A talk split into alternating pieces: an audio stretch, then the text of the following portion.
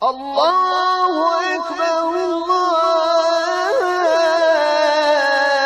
Allahu Ekber. La ilahe illallah.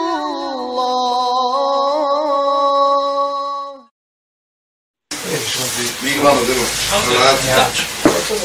Allah razı olsun. Rekli su, braćo moja draga, između ostaloga, vođe u današnjem islamskom svijetu, ako se može tako da kažem. Inne bina er riđali as'abu min bina il masani'i. Kaže izgradnja ljudi koji su kako treba je teža, kaže, od gradnje fabrika. Da bi izgradio čovjeka koji će biti kako treba vjernik, predan, iskren, pošten i čestit, ili ženu koja će biti kako treba vjernica, je teže nego da izgradiš fabriku. Naravno, ovo je danas totalno porušeno u obrazovnom sistemu, u ekonomskom sistemu, u vladajućem sistemu, tako da je oma teško da se nađe onaj koji je izgrađen da bude dragocjeniji od same fabrike.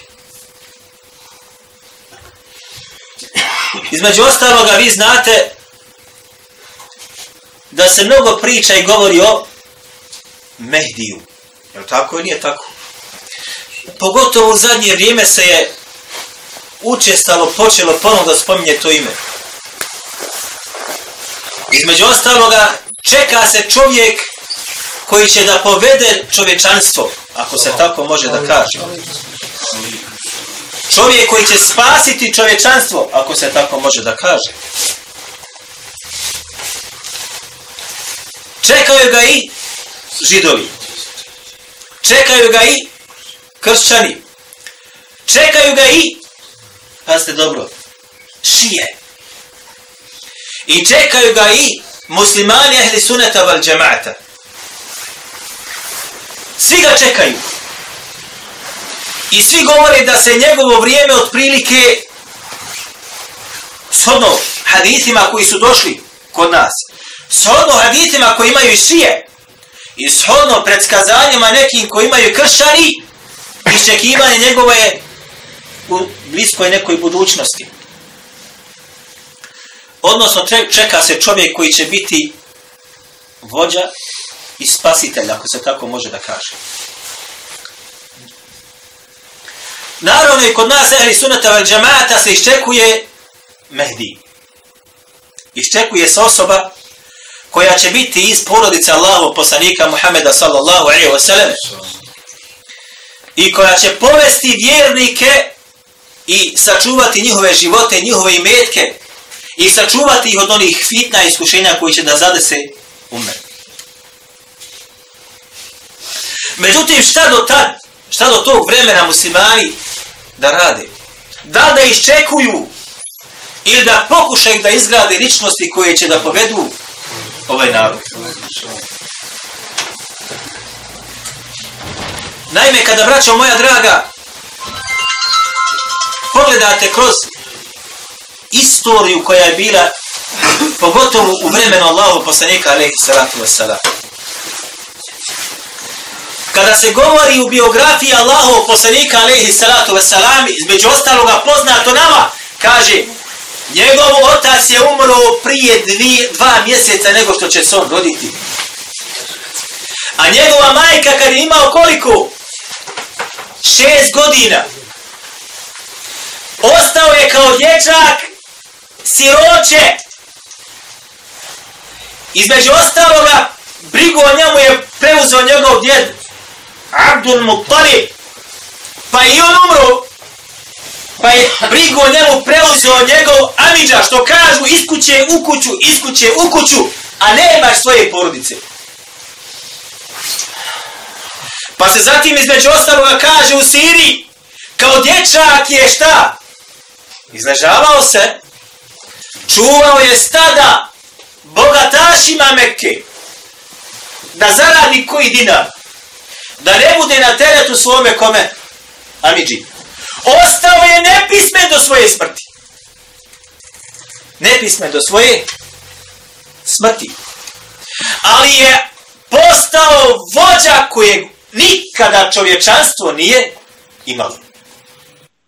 Nije se obrazao institucijama, nije diplome islamske i šarijaske sticao, nije učio pred učenima, niti je dobio određena priznanja određenih institucija, nikako. Kako je uspio taj čovjek da bude vođa? Kako? Samo jedno stvar. Bio je pokoran Allahu Đelešanuhu u malom i velikom. Samo to. Bio je pokoran svome gospodaru u svemu, pa makar bilo ko zehra male. A kao ono da vidim, govorimo o krupnim stvarima. Sad pogledajte između ostaloga. On je znao dobro da jednog dana se mora vratiti Allahu Đelešanu. Njegovim odlaskom ostaje umet bez vođe. Njegovim odlaskom ostaje umet bez vođe. Morao je napraviti ličnosti koje će zauzeti njegovo mjesto i njegovu poziciju. Je li izgradio? Aj, vallahi, jest. Izgradio je ličnosti koje su nakon njegove smrti za dvije godine samo slomile rimsku imperiju i slomile Perzijsko carstvo. Omer ibn al-Khattab, kada je došao na mjesto hilafeta, nakon Ebu Bekra koji je bio dvije godine i tri mjeseca, porazio je najveće dvije svjetske sile. Najveće dvije svjetske sile. Ispod koji se, što bi se reklo, ako se smije tako kazati, podrhtava mi zemlja kad bi oni prolazili. Što kažu, kuda oni prođu, trava ne raste. Omer ibn Khattab, koji je nekada kao dijete također bio pastir, koji je također nije bio od onih koji su znali ogromno znanje po pitanju pisanja, jezika i ostaloga, ali je ima ono što danas ni jedan vladar nema.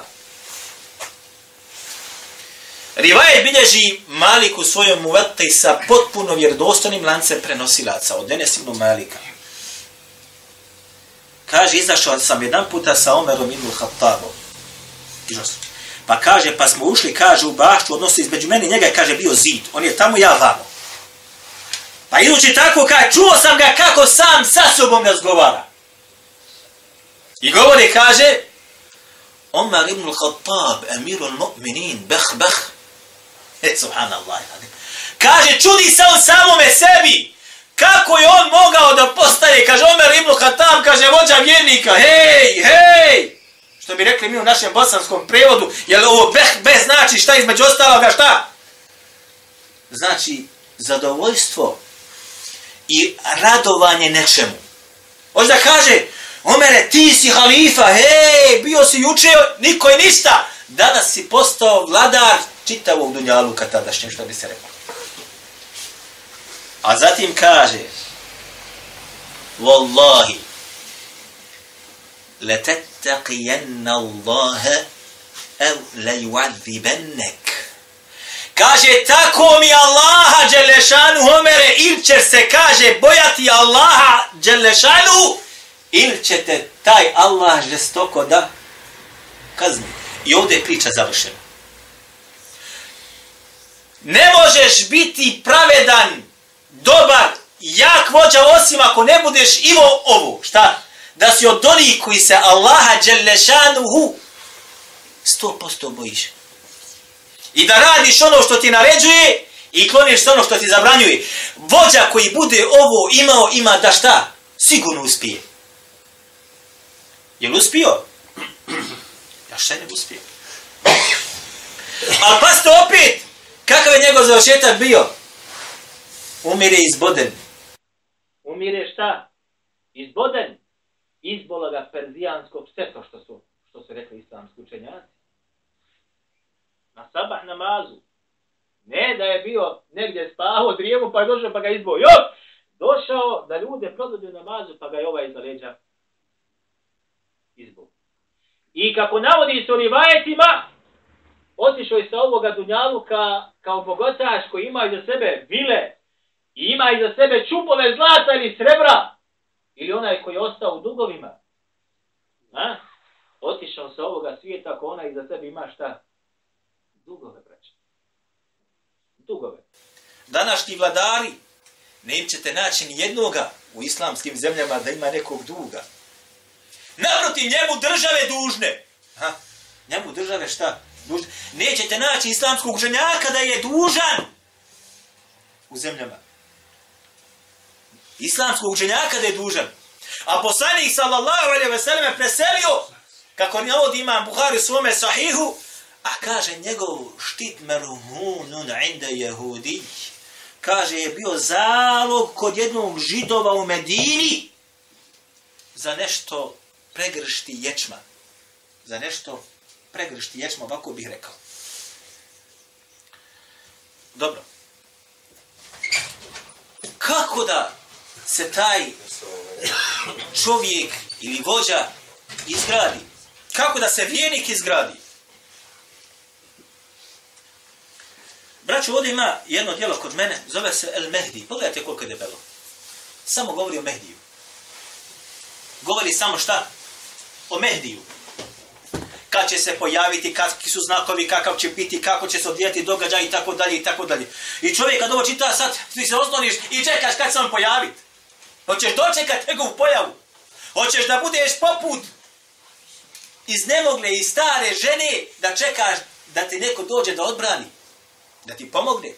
Ili ćeš zasukati rukave da se pokušaš izgraditi, izgraditi svoju porodicu, svoju čeljad i pokušati izmijeniti okolinu po tebe. Kaže Allah Đelešanuhu Riđalun la tulhihim tijaratun wala bej'un عن ذكر الله وإقام صلاة وإيتاء زكاة يخافون يوما تتقلب فيه القلوب والابصار kada Allah Želešanu opisuje istinske vjernike koji sutra mogu da vode čitav dunjalu, kako je opisuje? Kaže, to su potpuno izgrađene osobe, riđal, posjeduju i snagu tjelesnu, posjeduju snagu umnu, posebnu, posjeduju srce. Srce posjeduju kad treba da kaže dosta, dosta. Ne znam da li ste čuli za Džebehra Dudajeva. Ne znam da li ste čuli. Džebehra Dudajev je bio prijesednik Čečenije. Kad se ocijepla Čečenija. Ja sam to gledao svojim očima i slušao svojim ušima. Kada on dolazi u Moskvu, tada je bio Jelcin prijesednik, ovi koji se bave politikom, to dobro znaju on dolazi sa onom čečenskom šapkom, kapom, ne stide se. Dolazi u onoj, gore onoj maskiranoj uniformi, jer je bio general, s bradom i sa sobom poveo svoje ministre koji su sa bradicama, sa kapama, čečeni. I dovodi ih kod koga? Kod Jelcina. I oni čekaju kad će Jelcin se pojaviti. Njegovi sjedaju vamo s ove strane stola, oni svi se poredaju, niko ne sjeda od Čečena. Dolazi Jelcin i sjeda on gore na kraj stola. I on gleda ovako. I kaže on Dudajevu da on sjede ovde sa njegove strane lijeve. Ovde ovako da sjedi. Kaže on njemu, jok! Ili ću ja sjest ovde, a ti ovde. Ili nikako drugačije. Ne da ti sjediš ovde, ja sa strane. Ili ja ovde i ti ovde se gleda. Drugačije nikako. Šta je bilo na kraju? Podiže on svoga ministra koji vamo bio, hajdi ti sjedi ovde i Jelcin dolazi ovde i sjeda njemu i gledaju se u oči. Kad su upitali, braćo moja kralja Fahda, od dobrih kraljeva Saudijske Arabije, koji nažalost isto također šta, braćo, iz nepodatih razloga neotkriveni dan danas ubije. Kao kralj. Šta bi, kaže, najviše želio na svijetu od želja, kaže, najviše bi volio da Izraela šta? Nestane sa lica zemlje. To su bili ljudi. Šta kaže Allah? Ređalun. Kaže ljudi, la tulhihim. ne može ih, kaže, odvratiti od spominjanja Allaha Đelešanuhu i namaza i davanja zekata, ništa. Niti trgovina, niti kupovina, niti novac, niti zlato, niti srebro, niti žene, niti auta, niti avioni, niti nafta. Ništa. Tri stvari Allah Đelešanu nabroju. Šta? Spominjanje Allaha subhanahu wa ta'ala.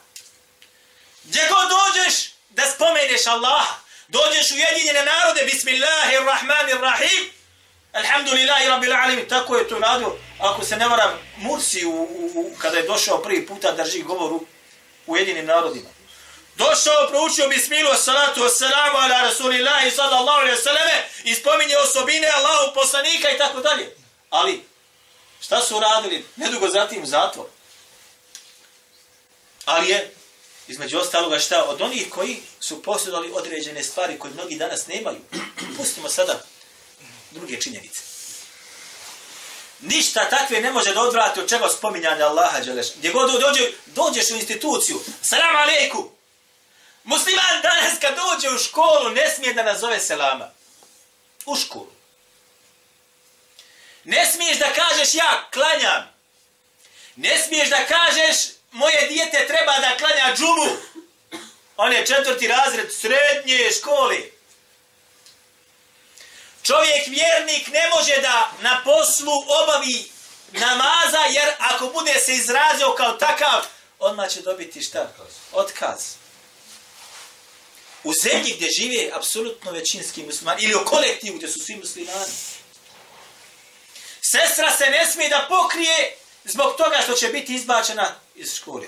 Braćo, ja sam na to pričao jedan put, jedan Talha je bio sa nama na studiju, između ostaloga, ostali smo sa jednim od šehova, Mohamedom Ređevom, i da mu poslali određena pitanja, i to je bilo tada u Turskoj, znači 94. godina, e, 2004. godina. 2004. Kaže on, šeh, kaže, dobio sam pitanja iz Turske. Pitaju me, kaže, sestre, šta? Da li je njima dozvoljeno da preko hijjaba, kad idu na fakultet, stave periku?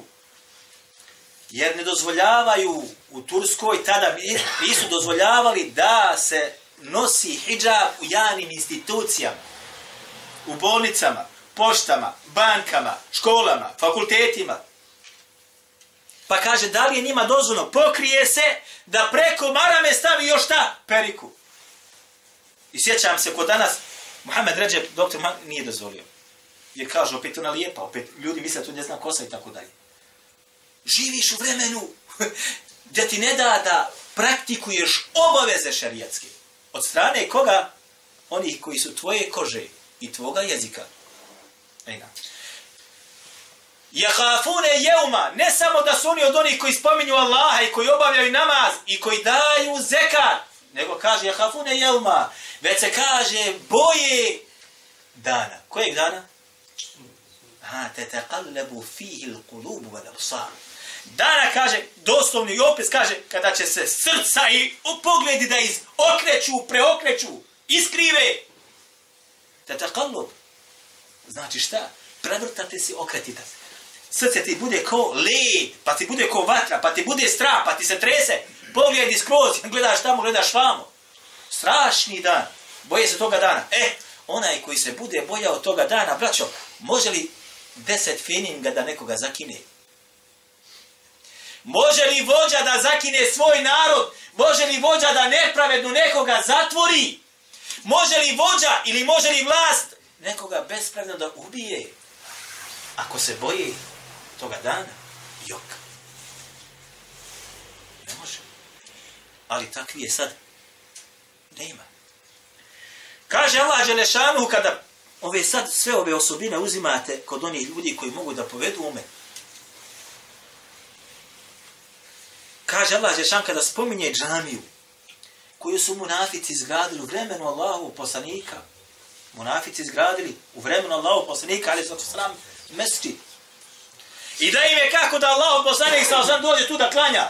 Kad, što, što kažu, klanju poslanik sa osam, eh, gotovo sad, predobijemo ljude i opisuje džamiju koji su izgradili čestiti vjernici. Kaže uzvišeni fihi riđelun juhibbune en yatahharu. Kaže u njoj ili oko te džamije se brinu ljudi koji se mnogo šta ili vole da se šta čiste. Čiste. Wallahu yuhibbul mutatahhirin. A Allah je od onih koji vole šta? Voli ljude koji se čiste. Ha? Mislite da vjernik koji treba da povede narod može da bude od onih koji će da budu pesini? Znate šta je pesin? Pesin s tijelom, pesin s izgledom, pesin sa odjećom, pesin u svakom pogledu. Imate muslimane koji ne znaju kako se abdest uzima. Braćo, deveti razred, ne zna niko kako se gotov treba abdest uzeti. Znate li vi to? Žene muslimanke ne znaju kako se abdest uzima. Ne znaju kako da se posle spolnog odnosa okupa. Da se ibretiš, kaže jedan, kaže dosta je, kaže samo da opereš spolni organ, mi smo, kaže, islamu tako čisti. Govori on jednom kršćaninu. Podučava kršćaninu kao ko biva. Mi, kaže, nakon spolnog odnosa, dosta kada samo okupam da operemo spolni organ i to je kako nas. Šta rekao Bolan? E, subhanallah ilalim. Koliko pesina hoda dunjalukom sa muslimanskim imenom i prezimenom ko biva. Dunuba. Iz dana u dan. Koliko žena stalno su lakirani noktiju. A shodno znanju koje je u islamu, takva, ne znam koliko puta da se okupa dnevno. Nakon džunupluka je džunup, dok god ne bude lak se sa njezini noktiju skinuo. Pa se okupa. Godinama nosi lak, lak, onaj lak na noktima. Možda čak nekad i klanja. A hoda dunjalukom kod džunup. Ha? Allahu poslanik sallallahu alejhi ve sellem podučio braćo ovaj umet kako da se od nužde male i velike očisti. Od nužde male i velike da se očisti. Nije dozvolio, zamisli vođu da se ne čisti od male i velike nužde. Subhanallah il kako kažu islamski učenjaci, nek, namjerno ko se ne, ne očisti od male nužde. Namjerno ne očisti se od male nužde. A zatim uzme abdest, njegov abdest nije šta. Ispra, ovu sam fetu čitao od islamskih učenjaka. Zašto? Zato što je čišćenje od male nužde šta? Obavezno. Zamislite gdje su muslimani danas od toga svega. Allahu poslanik sallallahu alaihi wa sallam podučio ovaj umet i vođe ovog umeta šta? Da kada budeš razgovarao sa ljudima da iz tvojih usta što može bolji miris da se osjeća. Da se ukloni onaj neugodni miris što više može. Pa stoga je zabranio on onima koji posjećuju džamije da dođu u džamiju sa mirisom bijelog ili crvenog luka. Pa se vodi raspravu kod islamskih učenjaka je ova zabrana na stepenu da kad jedeš ne smiješ doći ili nije. Ja kad sam iščitavao, jer braćo moja draga, to, tako, Allah mi je svjedok. Nisam nakon toga više tu uradio nikad. Kad sam me uzeo sad ponovo da obrađujem, obrađivao, obrađivao, obrađivao, Neko kaže da lijek je, ovo je, ono je, ali Allah u poslanik iščupao te dvije biljke, rekao, šta? Ove dvije, onaj, što bi rekli mi, kako bi to prevali, podle i pokvarene biljke. Iako je lijek u njima, lijek u njima. Zbog čega samo? Samo zbog neugodnog mirisa koji može dođe iz usta insana. Zamisli sad ono ko puši. Zamisli onoga ko puši. Da bude vođa? Kako da budeš vođa i jedeš bijeli luk svaki dan? I ti da budeš vođa ljudima? Ili da budeš od onih kod 20 cigara ispuši budeš vođa ljudima? Tako te vjera naučila. Subhanallah radim, da porodiči tvoj život bude sa tvojom suprugom kako treba, mora da budeš uštiman insan. Da ne osjeti ona od tebe šta? Neugadan miris. Niti svoje kože, niti svoga tijela, niti svoje usta, što god mora da se otkloni. A kako da tek tvoj umet to osjeća od tebe?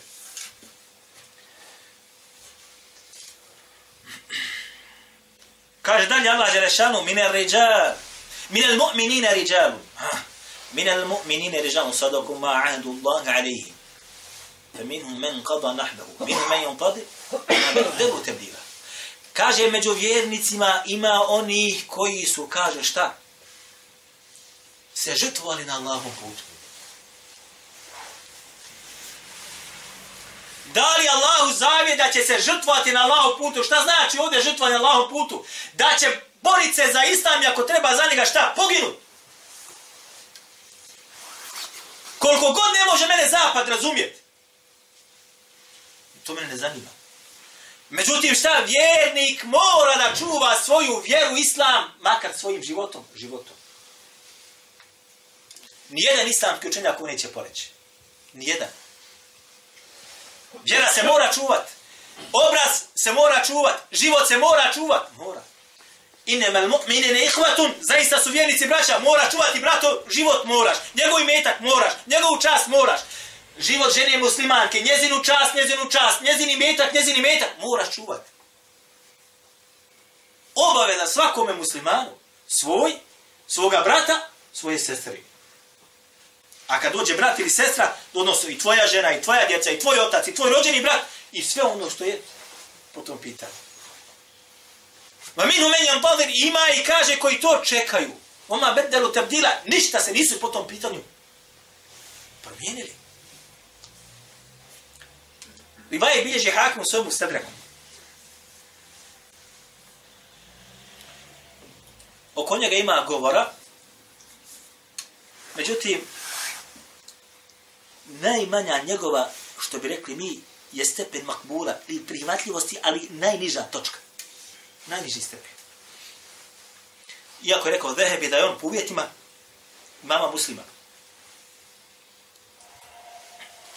Kaže jednoga dana je Omer rekao ashabima, kada je bio halif, kaže temenneu, u kući su bili jedno, kaže, neka od vas, nek, svako neko od vas neku želju zaželi. Pa je rekao jedan od sahaba, kaže, volio bih da ova, kaže, kuća bude puna zlata. Pa da ga kaže, potrošim na Allahovom putu, vete sadak, i da danem sadaku. Kad se kaže da ga potrošim na Allahovom putu, zašta? U borbi, da ga potrošim tamo gdje muslimani se bori, a borba svaka zahtjeva šta? Novac. Vete sadak, i da danem kada ga podijelim ko? Sadaku. Pa je rekao drugima, poželite, kaže, nešto tražite, kaže, pa je rekao drugi, volio bi, kaže, da je ova kuća puna dragulja i bisera. Pa da ih, kaže, potrošim na Allahom putu i danim sadaku. Pa je rekao dalje, pa su rekli, kaže, reci nam ti. Pa je rekao Omer, slušaj, dobro što je rekao. Etemenna, لو أن فيها لو أنها مملوءة a riđalen misle, volio bi kaže da ona kaže prepuna riđalen, opet, sa najodgojenijim, najboljim ljudima. Misle Ebi Ubejdat ibn Đarrah. Wa Mu'ad ibn Jabal. Wa Salim Mevla Huzaifa. Wa Huzaifa ibn Ljeman. Volio bi kaži da ova kuća prepuna sa ljudima poput Ubejd ibn Đarrah. Ko je Ubejd ibn Đarrah? Vojskovođa koji je slomio kršan i osvojio šas. Zatim kaže Muad ibn Džebel, namjesnik Allahovog poslanika, alaihi salatu veselam, koji je bio gdje? U Jemenu. Salim Mevla Huzeife, čuveni učač Allahove Đalešanuhu između ostaloga knjige. Huzeife ibn, ibn Jaman, čuvar tajne Allahov poslanika, sallallahu alaihi wa sallam, to zaželio. To zaželio. Zašto? Jer kad imaš vođu kako treba i čovjeka kako treba, ne treba ti ni zlato ni srebro. On će ga iskovati, on će ga izmisliti i napraviti. Ali kad nemaš, kad ovdje šuplje, džaba da imaš zlato, potrošit će ga gdje? U avione i u provode po evropskim zemljama i onim kupalištima i ljetovanjem. Braćo moja draga, evo i u Bosnu danas, ko vam posjećuje Bosnu iz, od turista? Dolaze Arab. Zašto dolaze u Bosnu? Dolaze u Bosnu da prošire Allahu Đalešanu vjeru, da poduče ljude Kur'anu, da štampaju knjige, da štampaju Kur'ane, da dijele na Allahom putu, ili troše za svoje užitke i uživanje. Pitajte one koji razvozivaju po Sarajevu, gore što radi. A to je trunčica jedna što potroši. Trunčica jedna. Trunčica jedna.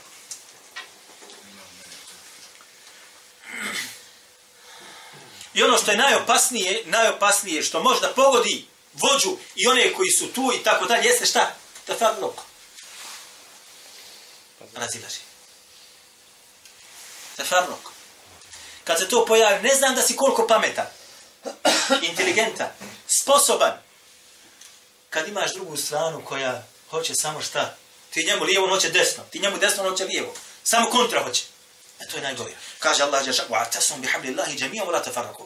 Kaže čvrsto se kaže duže držite Allahovog užeta wa la tafarraqu i nemojte se razilaziti. Mi smo to govorili. Kažu oni, e, razilaženje u islamu je kad zabranjeno obaveza, budemo muslimani, braća, mora se slušati, mora se poštovati. Wallahi tako, tako. Ali je prvo ono zaboravljeno, wa atasimu bihablillahi jami'a. Čvrsto se kaže držite Allahovoga užeta. Vrati se na tefsir, šta znači ovo hablullah? Kažu Allahove knjige i sunneta Allahov poslanika. E, pa se kaže, neće biti razilaženja nikada ako se bude zajednica držala Kur'ana i sunneta. Neće biti razilaženja. Kada se bude odstupilo ili sa jedne ili sa druge strane od ovoga držanja, mora doći razilaženje. A ako se jedna grupa drži Kur'ana i sunneta, zaista, a druga neće, hoće to do razilaženja. Mora kad tad. A bukvalno govorenje i pusto govorenje, mi se držimo Kur'ana i sunneta, jeste šta? Ništa drugo. Moraš ga naučiti. Moraš ga spoznati. Moraš ga potumačiti. Moraš se vratiti na govor islamskih učenjaka i moraš ga šta? Praktikovati. Gdje smo mi od toga? Gdje su oni od toga koji znanje nose? Tanko i daleko vraćamo tanko i daleko. Zato je neophodno šta? Da se dogodi cijepanje. Neophodno. Nema sumnje, braćo moja draga, da takvi se ljudi više neće pojavljati. Sve ide gore i gore. Sve ide gore i gore. I sve loši i loši dolaze na poziciju vođa. I nažalost je tako, kako je došlo u hadisu, kada umre islamski učenjak, na njegovo mjesto mora doći neko ko će biti šta? učeni od njega ili nema učeniji više. Samo dole, dole, dole. Zato imamo sujut, je braću napisao jedno djelo. Evo ovdje kod mene koji u rukopisu. Malo, ali vrijedno. Kešu an muđavezati hadihin ummete el, el. Kaže, otkrovljenje da će, kaže, ovaj umet doživjeti hiljadu godina. Vidite, nije ono, nije ono veliko. U rukopisu. gdje on je pokušao da prekaže shodno hadithima koji su došli da umet Muhameda alaihi salama će doživjeti hiljadu godina u životu. Ali zatim kaže, a neće, kaže, preći hiljadu i. Ovo je njegov govor. Znači, doživjet će hiljadu, ali hiljadu i petsto neće preći. Mi smo danas hiljadu četiri trideset i osmi. Dodaj tome još 13 godina prije hijđre. Jedni kažu, dodam još 23 godine poslanstva i tako dalje. Shodno njegovom tom govoru šta? To je veoma šta? Blizu. Naravno, međutim, mnogi islamski učinjaci su se na ovo šta žestoko osvrnuli i govorili, nije dozvoljeno računati kad će biti to. Međutim, on nije to tačno rekao. On je rekao, jedino što je rekao, neće preći ili 500. Šta ti znaš, hoće li preći ili neće? Može biti više, a može biti i manje. Ali on je pokušao s hondo hadizma koji su došli i osloncima na, na vijekove židova i kršana da dokuči što se može dokučiti. Međutim, ono što su se složili islamski učenjaci, rekli su šta? Zaista je taj vakat blizu. Sodno svim haditima koji su došli, taj vakat je blizu. Zato ovo djelo su mnogi uvrstili u djelo koje nije dozvoljno čitati. Zašto? Zato što govori se o stvarima koje su možda onaj svakome muslimanu bile bi zbrka u njegovom razumijevanju ti tekstova ili govora o tome i tako dalje i ispripadavanje svijeta ona, i tako dalje. Ali nema govora šta? Da je taj vakat veoma blizu. Samo još za kraj. Ja kad sam isčitavao hadith koji bližba muslim svome sahihu prije nekoliko godina, kad smo i pamtili taj hadith tako dalje, spominje se jedno selo koji ili grad zove se Dabek. Ja sam to govorio nekom braće ovdje. Nikad ja nisam ni razmišljao o tom hadithu. Govori se o susretu dvije vojske. Vojske kršćana i vojske muslimana. Vojska kršćana koja će biti sa 12 zastava ispod 81 zastave, 82 zastave, a ispod svake zastave po 12.000, 80 ja. I vojska muslimana. I spominje se kao mjesto bitke, u rivajetima mjesto štaba kršćana, da će bude, da bude u gradu, gradiću koji zove Dabek ili El-Amaq. Tako doslovno hadisu. I nikad ja obraćao pažnju, nisam na to. Ni gdje je to, niti koliko je to. Doći nisu se pojavili zadnji događaji koji se događaju u Siriji. Taj gradić Dabek se nalazi, braćo moja draga, 35 do 40 km od Haleba i 15 km od granice sa Turskom. A vidite šta se danas događa oko Haleba. I taj gradić Dabik su do prije tri mjeseca držali, Idiš ga držao. Osvojio ga Idiš prije nekoliko godina i stalno bio njih u rukama. I oni iščekuju, je tu će biti bitka, mi ćemo se boriti. Dok nije prije tri mjeseca turske snage sa osobnom tom sirijskom vojskom oduzeli njima i sad su one po tom, po tom onaj, njihovom upravom. Dakle, nema sumnje, braćo, da stvari se događaju velikom brzinom. A sve i manje i manje ljudi koji mogu da povedu muslimane i ih čupaju iz ovog stanja u kojem se nalazi. Akulu kavi hada wa astaghfirullahi li wa lakum. Ako ima neko da pita. Allahu ekber, Allahu